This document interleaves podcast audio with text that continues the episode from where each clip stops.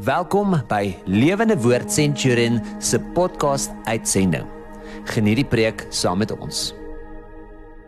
Here ons eer en loof U. Dankie dat ons uh, dit so lekker saam kan aanbid en in 'n tyd van aanbidding voor U kan kom. Here, ons wil U in besonder uh dankie sê vir vir Paasfees en dat hierdie 'n fees is wat ons saam met U kan hou. Here, ons wil op opstandings Sondag vandag U kom vereer vir alles wat U vir ons doen en sê en alles wie U is. Dankie dat U die dood oorwin het en opgestaan het uit die dood. Ons eer U Here Jesus. Amen. Welkom aan elkeen van julle by Lekker FM. Dis vir my lekker om saam met julle te kuier. Uh, my naam is Wouter van der Merwe. Ek is van Lewende Woord Centurion. En Opstanding Sondag is 'n besonderse Sondag. Dis deel van die Paasfees en ek gaan nou praat oor Paasfees, maar laat ek net dit sê oor Opstanding Sondag. Daar's daar's talle mense wat wat beweer ons moet op Saterdag kerke of op Vrydag kerke. Ek weet nie, daar's snaakse goed daar buite, maar as jy die Bybel reg verstaan, begin jy besef dat die eerste dag van die week is 'n Sondag. En Sondag is die dag waarop Jesus opgestaan het en van daar af verder word dit in die Nuwe Testament genoem die dag van die Here, the day of the Lord. Sondag was die dag waarop hy aan sy disippels verskyn het. Sondag was die dag waarop hy aan Thomas verskyn het. Uh en, en dit lyk uh, later in die Nuwe Testament dat Paulus sê uh, soos die gebruik is het ons op Sondag bymekaar gekom. Dit lyk amper asof 'n Jode 'n 'n tak vertakking uitgehaat het uit hulle uit en dit was Christendom en die Jode het in 'n sinagoge bymekaar gekom op 'n Saterdag maar hulle was gemaklik daarmee dat hierdie snaakse vertakking van hulle Christene dan op Sondag bymekaar kom. So dit was die vroeë Christen gebruik om op Sondag bymekaar te kom. En dit was in die apostels se gebruik dat dat hulle iets van Sondag waardeer het. Ek dink hoofsaaklik omdat ons die opstanding van Jesus Christus elke Sondag vier. Die vroeë kerk het mekaar dan so gegroet. Die een het gesê hy het opgestaan, dan het die ander een gesê ja, werklik, hy het opgestaan, hy leef. En en dis hoe die vroeë kerk mekaar gegroet het. So daar's iets van die opstanding wat ons onder mekaar moet wakker maak en vir mekaar moet sê en wat ek vandag by jou net jou weer aan wil herinner want dis deel van die Paasstorie. Die opstanding is die oorwinning van pa, die Paasstorie. Nou kan ek net weer sê, ek glo dat Paasfees die middelpunt van ons Christen kalender is. Dis die middelpunt van die Joodse kalender, dis die uh middelpunt van die Christen kalender. Dis geweldig belangrik vir ons as Christene om Paasfees te hou. Belangriker as Kersfees.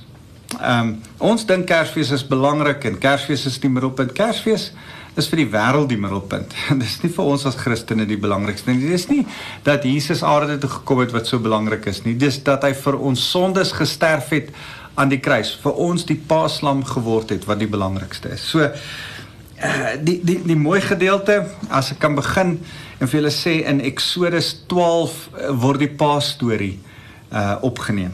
En dan Eh, word daar vertel uh, hoe Moses die pa storie ook Eksodus 12 en 13 hoe Moses die pa storie uh, uh in in opdrag met elke Israeliet hierdie hierdie pa storie jaar vir jaar vir sy kinders vertel. En en net daarom wil ek dit net weer die pa storie sommer breë lyne net gou vir jou skets en vir jou vinnig weer die pa storie Ou Testamenties vertel want jy sien Ou Testamenties gaan die pa storie daaroor dat die Israeliete uit Egipte uit slawerny uit bevry is. En en nou nog Jode reg oor die wêreld vier dit op 'n besonderse manier met wonderlike rituele wat al so mooi is en en en wat ek altyd so uh smile in my hart as as as Jode Paasfees hou uh, dan is al hulle gebruike op daai paastafel wys dit eintlik hier na Jesus Christus maar moenie vir hulle sê nie. Uh, of sê eintlik vir hulle. En dan uh Nuwe Testament gaan Paasfees eintlik oor dat hy ons van ook van slawerny bevry het maar eintlik van die slawerny van sonde en en om met julle vinnig deur die pa storie te hardloop, uh het dit so gegaan. Uh, daar was nege pla uh die die die die Egiptenare Farao wou nog steeds nie die Israeliete laat gaan nie en toe sê die Here vir Moses: "Goed, ek gaan 'n finale plaag bring. Daarom moet jy laat die mense 'n paaslam kies. Hulle moet vir 4 dae in jou in in in die huis bly van die familie wat hierdie jaar oue onbevlekte en ongebre uh, uh, uh, ongebreklike paaslam uh, tussen hulle het, dan moet jy hierdie paaslam slag. Nou nou dis interessant dat hy geen vlekke het of geen gebrek het nie. Dit dui heen op Jesus wat sonder sonde, sonder gebrek, sonder vlek of rimpel was. En en en en ek en jy moet besef dat die paaslam wat daai Israeliete geslag het, was vir duisende jare 'n uh, eintlik net 'n voorbeeld 'n heenwysing na die paaslam Jesus Christus. Maar voordat ons by Jesus kom, uh in die Ou Testament het het, het hierdie paas dan hierdie paaslam gevat in die Vrydag middag laatmiddag hier by 3 uur 4 uur se kant het dan hulle hierdie paaslam se keel afgesny, geslag en dan het hulle hierdie paasvleis voorberei. Dit moes gebraai word. Yes, vir 'n lekker braai braaivleis. Choppies braai.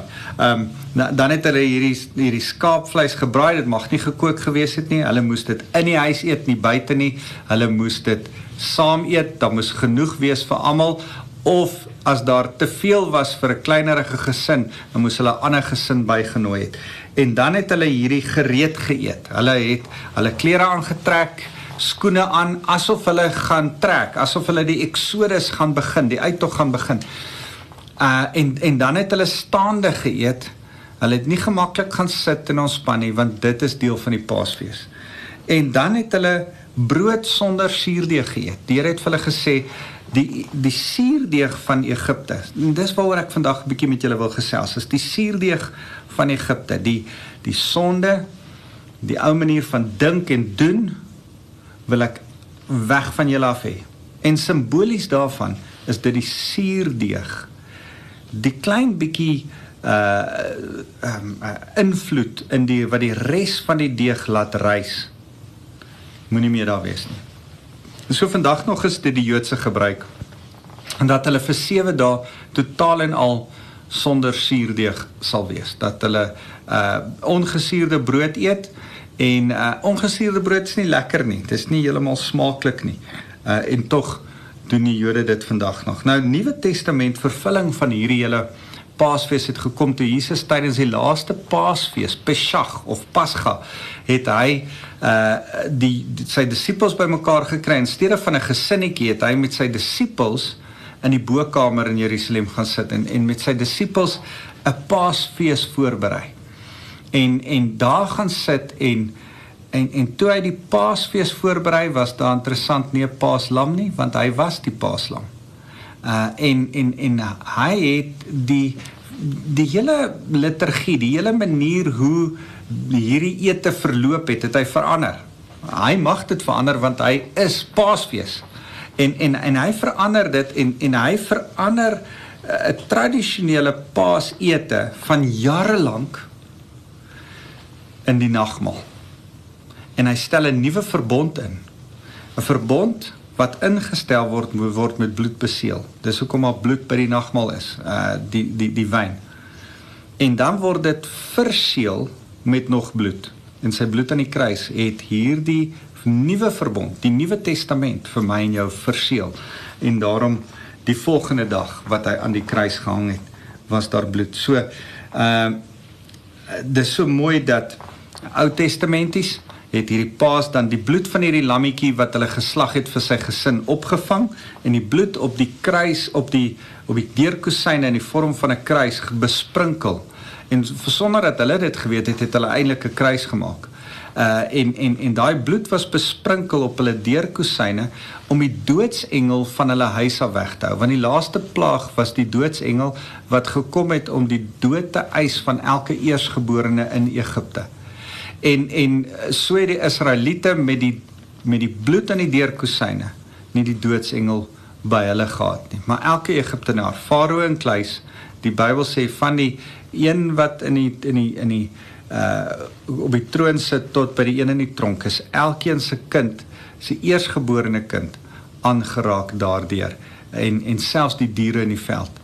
Uh en en 'n 'n verskriklike ramp het Egipte daardie nag getref maar Israel was gespaar gebly as gevolg van die bloed aan die deurkusyne, die bloed van die lam. Vandag vir my en jou beteken dit dat Paastyd die tyd is wat ek en jy vier om te sê, Here, is die bloed aan my deurkusyn van my hart, die bloed van die lam aan die deurkusyn van my hart. En by ons wedergeboorte vind dit plaas. Dan sit dan sit jy die bloed van die van die lam aan jou deurkusyne van jou lewe. En in Paastyd is dit tyd om dit weer te vier, weer vir mekaar te sê, hoorie, is dit nog daar? Vir mekaar te vertel van hoekom dit gebeur het.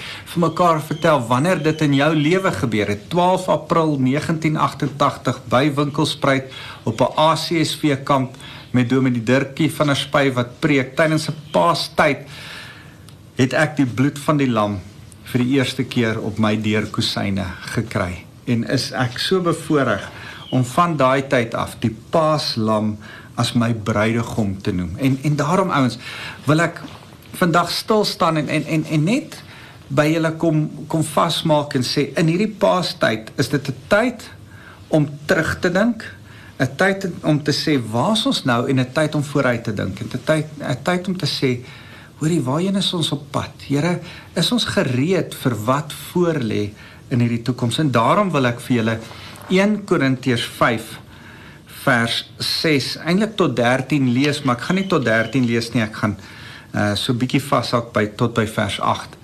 En maar ek wil hê dat jy tot by vers 13 moet lees. Nou die konteks van 1 Korintiërs 5 is daar was 'n ou wat uh, besluit het om sy sy pa se vrou te neem as sy vrou. Nie sy ma nie, sy stiefma uh, as sy vrou en saam met haar te gaan bly. En Paulus sê, "Hoe kan julle dit doen? Hoe kan julle toelaat dat sulke sonde in julle midde wees? Want want hierdie ouens het nie net geweet van die sonde nie, hulle het sommer die ou toegelaat en amper half uh aangemoedig met sy sonde in die kerk. En nou sê Paulus, dis erg dat julle nog oor julle spiritualiteit kan spog terwyl julle iets soos hierdie in die midde van julle toelaat. Julle dink julle is geestelik, maar julle is nie. Besef julle nie dat as selfs net een persoon toegelaat word om so voort te gaan, almal binnekort aangetast sal wees. So suurdeeg die hele deeg suur maak nie. Iewes skielik is hy nou van Paulus van van van hulle besig om met hulle te praat oor hierdie ou saam met sy stiefma. Iewes skielik by 'n prentjie van suurdeeg. En en hy's iewes skielik by die paasprentjie. Want want Paulus wil 'n vergelyking maak. Hy wil hy wil sonde kom beklemtoon in die lig van die hele Paasverhaal. En daarom sê hy hierdie paar verse tussen en dan sê hy verwyder hierdie suurdeeg onder Here. Hierdie slegte invloed sê die nuwe lewende vertaling. Ou vertaling sê verwyder elke stukkie suurdeeg onder julle. Onder julle uit sodat dat julle weer nuut en skoon kan wees. Hy hy, hy sê ou vertaling van die ou suurdeeg uit sodat julle nuwe brood kan wees voor die Here. En dan sê hy want dis tog wat julle in wese is. Ou vertaling, julle is tog nou 'n ongestuur gesuurde stuk deeg. Jy is veronderstel om ongesuur te wees sonder sonde. Reg deur die Ou Testament was suurdeeg die simbool van sonde.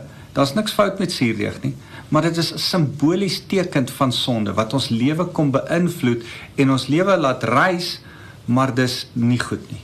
Nou ek ek wil vir jou sê, hier sê uh daar's daar's daar's iets in ons as Christene wat ons moet besef ons ongesuurde brood.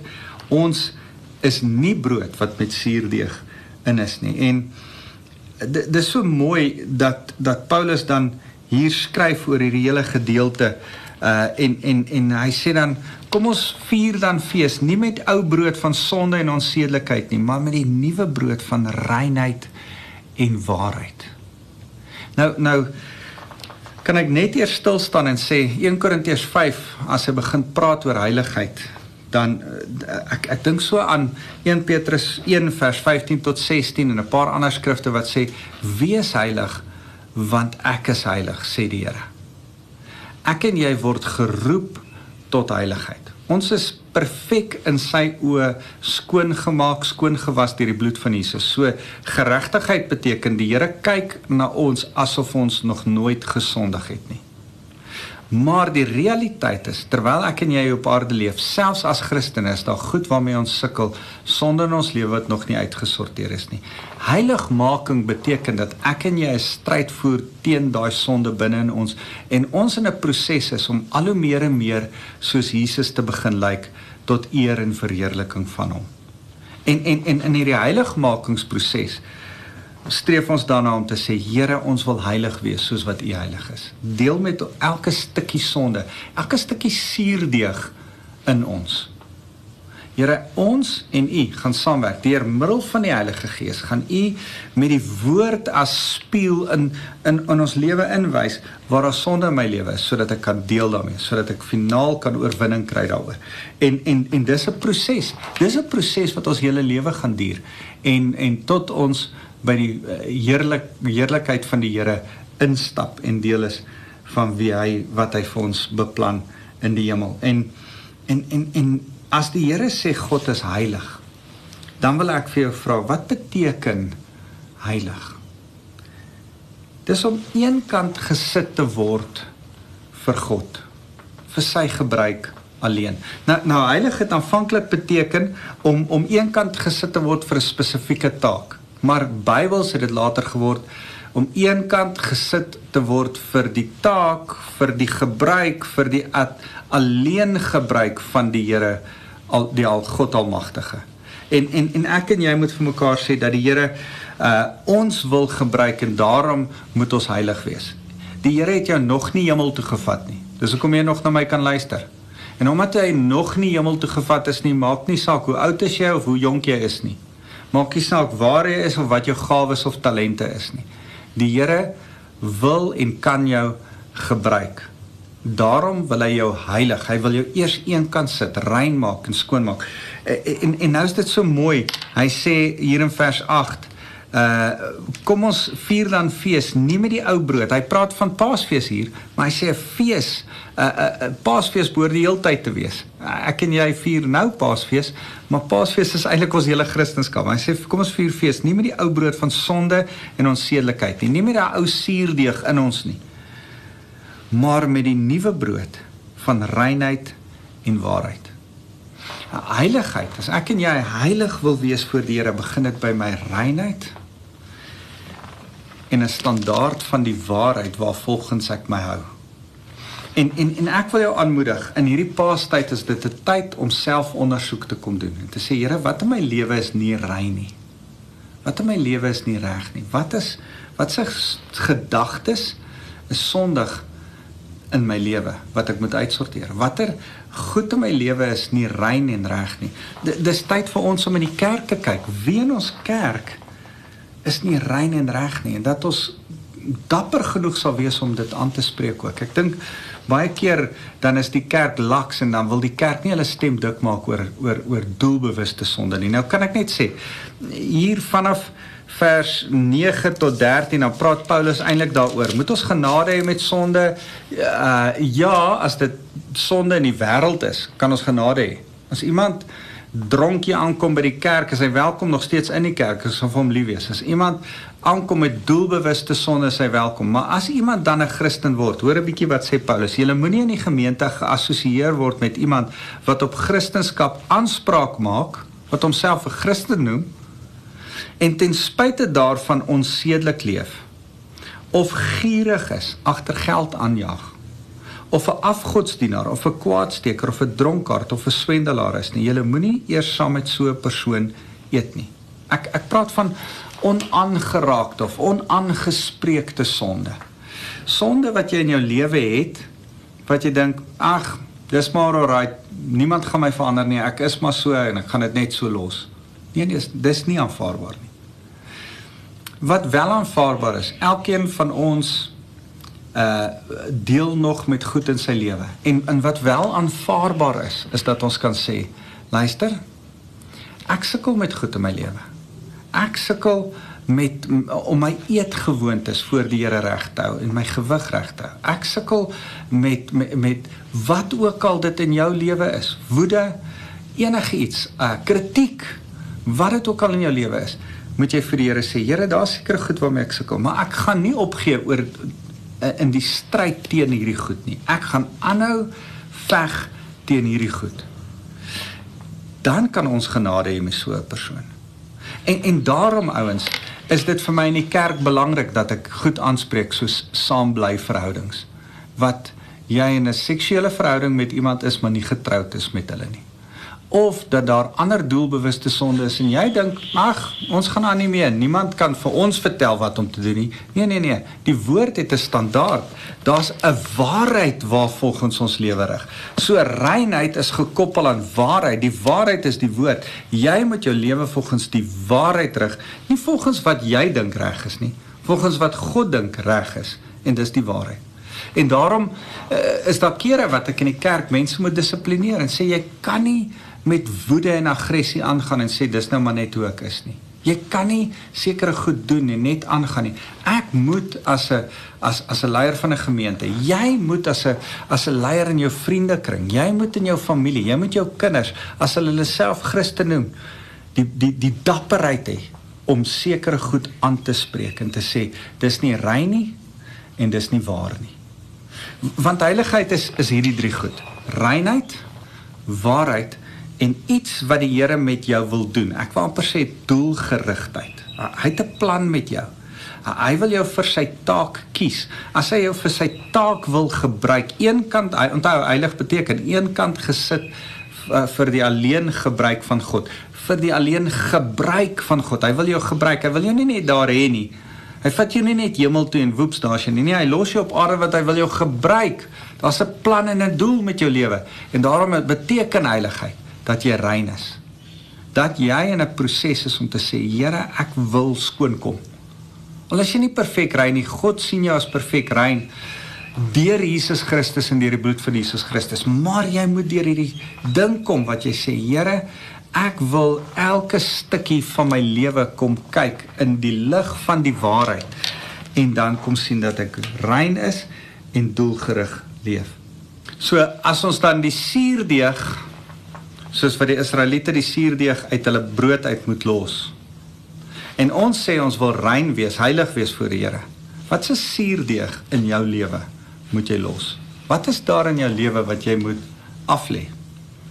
En en ek wil nie eers vandag saam met jou begin dink nie, maar maar maar een van die goed wat die Here in die laaste tyd met ons oor praat is stop die Egipte suurdeeg van kritiek in jou hart sny dit uit. Hierdie paastyd moet ek kom introspeksie doen en sê Here, is daar kritiek in my hart? Is daar woede in my hart? Here, wat wat in my hart is daar nie nie reg nie? En ek ek praat vanoggend met die manne in my mannegroep en ek sê vir hulle so rukkie terug, ek is heeltemal tevrede met my bakkie wat ek het en ek het 'n nice ou Ford bakkie. Maar ek sit saam met my kind in in karre shop, sy moet 'n kar kry een of ander tyd en nou nou kyk ons deur 'n webwerf en iewes skielik sien ek hierdie Hilux bakkies. Man, en hulle is so mooi en so blink en ek dink ja, hier is almal baie mooier as my as my Hilux bakkie en daar's kom sommer so 'n begeerte in my hart op om 'n nuwe bakkie te koop. En ek dink dis nie nodig nie.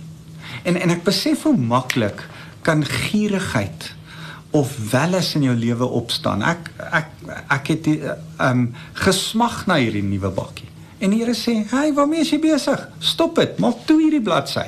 En en ek besef So maklik kan ons in 'n ding val. Van ons kyk vir iets wat ons nie veronderstel is om voor te kyk nie. Kan jy in hierdie paastyd vir die Here sê, Here, ek is jammer. Here, ek is tevrede met wat ek het. En en en ek wil jou kom kom aanraai. Dis 'n tyd verskoon maak. Paastyd is tradisioneel onder die Jode tyd verskoon maak. Was 'n hele speletjie wat die Jode speel dat die kinders, hulle gaan steek, die ma gaan steek 'n klomp stukkies brood in die huis weg en dan soek hulle hierdie stukkies brood totdat al die stukkies gekry is.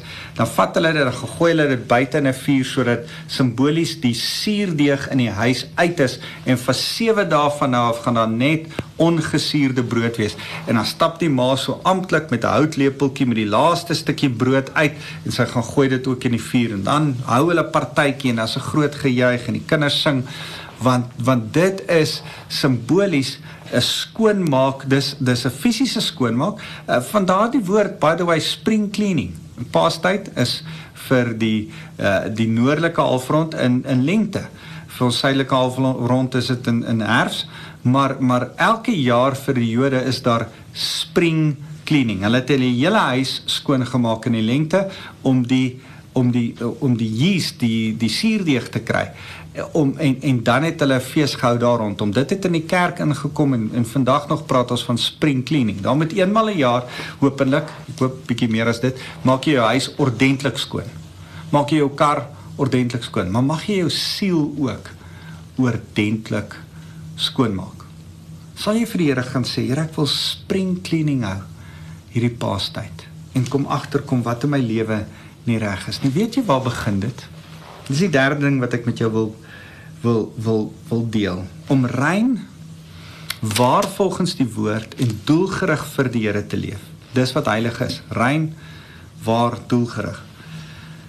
Om om om dit te wees, begin dit by ons gedagtes. En en vandag as ek met jou praat oor die individu ek, uh dan dan praat ek oor ek moet my gedagtes rein waar en doelgerig hou. Maar dit praat ook vandag as ons met mekaar gesels vandag uit die hand van die stuk in 1 Korintiërs 5 praat ons ook oor die groter kerk.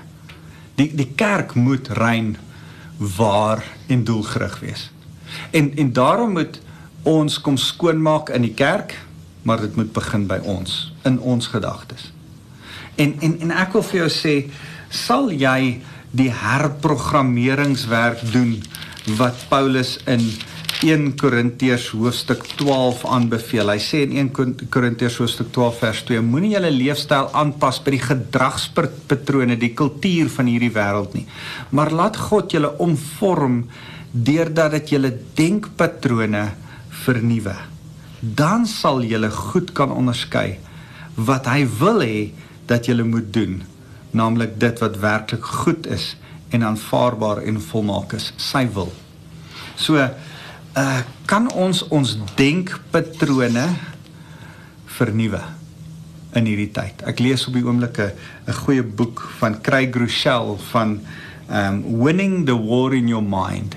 Man, gaan lees hom gerus. Winning the War in Your Mind van Craig Groeschel. En daarin praat hy dat dat ons moet uh uh uh, uh heeltemal ons gedagtes kom omdraai deur middel van die woord en deur middel van daaroor te dink en en te sê ons is nie mense met kritiek nie. Ek is nie negatief nie. Ek is meer as 'n oorwinnaar in Christus.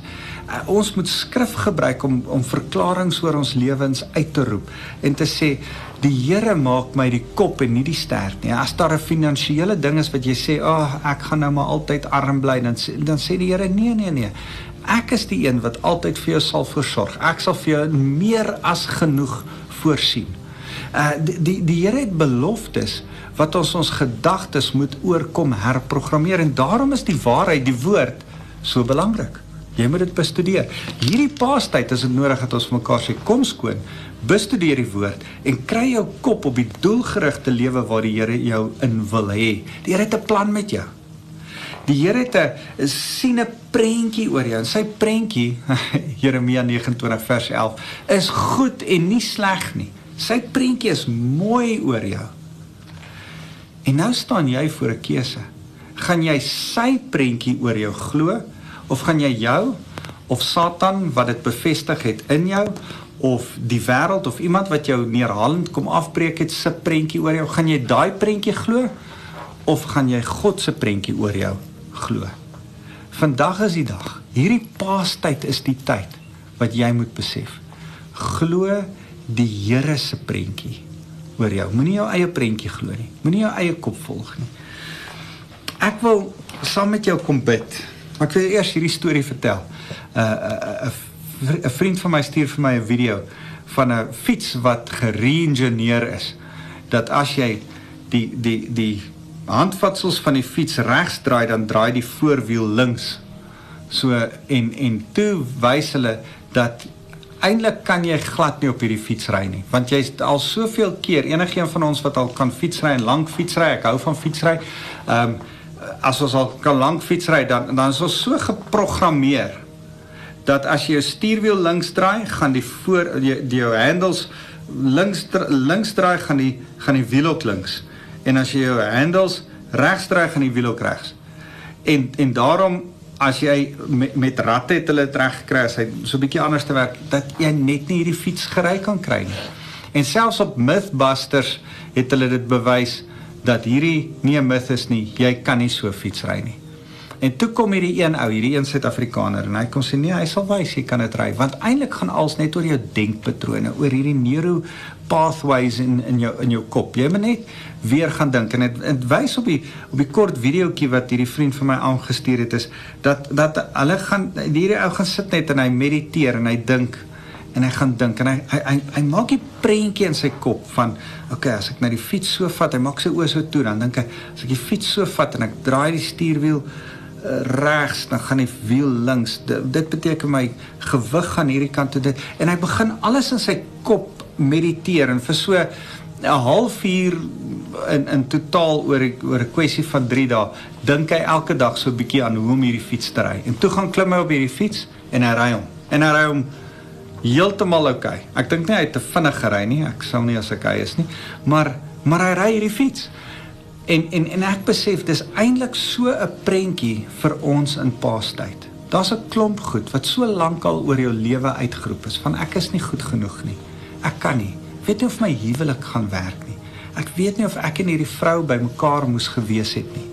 Ek weet nie of my geld genoeg is nie. Ek dalk gaan ek maar arm bly die res van my lewe. Al hierdie goed wat jy oor in jou kop vir jouself gesê het oor jare heen en wat Satan vir jou kom bevestig het, wil die Here nou sê, stop dit. Kry 'n nuwe denkpatroon. Vernuwe jou denke. Kom reinig jou denke, kom sit dit onder die waarheid van die woord en besef dat daar 'n doelgerigtheid in jou denke moet wees want die Here het 'n plan vir jou lewe hy's erns met jou heen op pad.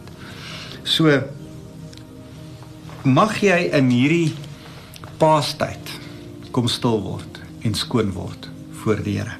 Dis tyd vir nagmaal hou en ek hoop erns op paasdag uh die hele uh opstandings sonderdag dat jy erns met iemand saam sal nagmaal gaan deel. Ek glo met my hart, dis my oortuiging en ek ek wil nie 'n groot teologie daarvan maak nie, maar ek glo dat Paas dat nagmaal nie gemaak is om alleen gebruik te word nie. Ek dink nie dis vir jou eie stilte tyd nie. Nagmaal is om altyd met iemand anders te, te deel. Want eintlik is nagmaal gemaak om die Here te onthou en te vereer. En daarom wil ek jou herinner aan die bloed wat red, reinig en beskerm. Uh deel dit met iemand. Bietjie druiwesap eers drink saam met iemand 'n glas druiwesap en brood as ons die brood eet vandag mag jy daaraan dink dat ons eintlik ongesuurde brood is. Daar's 'n groot debat of die kerk ge, ge, gewone brood of ongesuurde brood brood moet gebruik vir nagmaal. Dit dis glad nie belangrik nie. Jy moet net weet dat die Here die suurdeeg van sonde van Egipte, van jou ou lewe, van jou ou manier van dink uitgehaal het uit jou lewe uit. En hy wil jou nuut maak. So kom ons bid saam. Here, dankie dat ons net weer op hierdie paastyd kan stil word. En Here, ons wil die suurdeeg van ons ou lewens uithaal. Die van ons wat gelowig is, wil sê, Here, ons wil nie 'n stukkie suurdeeg, 'n stukkie sonde, 'n stukkie ou Egipte in ons lewe hê nie. Here, dalk is hier mense wat luister en wat sê, maar ek het nog nooit eintlik 'n besluit vir Jesus Christus gemaak nie. Vandag is die dag wat ek jou wil uitnooi. Wil jy nie die die bloed van Jesus Christus wat aan die kruis vir jou sondes vergiet was? Wil jy nie kom besef dat daardie bloed aan die deurkusyne van jou hart besprinkel moet word nie? Jy moet Paasfees jou eie maak en 'n persoonlike verhouding met Jesus Christus die bruidegom, die een wat vir jou lief is, die een wat sy lewe vir jou gegee het. Vandag is die dag wat jy tot hom moet uitroep en hy sal tot jou nader. Hy sal kom en jou ontmoet daar waar jy is. So vandag is die geleentheid, hierdie Paastyd is die geleentheid wat jy wil kom kom sê, Here, ek gee my lewe vir U. Ek volg U. Here, ek gaan kies om rein te wees voor U, heilig te wil lewe. Here, ek gaan die woord van die waarheid in my lewe toepas sodat ek doelgerig met 'n plan vir U kan bly lewe. Ons eer U Here Jesus. Mag elkeen wat hierdie woord hoor, geseën word deur die liefde van God ons Vader en die genade van Jesus Christus, ons Paaslam wat vir ons in ons plek geslag is. En Here mag die krag van die Heilige Gees ons oprig om in reinheid, waarheid en doelgerigtheid heilig te leef voor U. Ons eer U Here Jesus. Amen. Lief vir julle.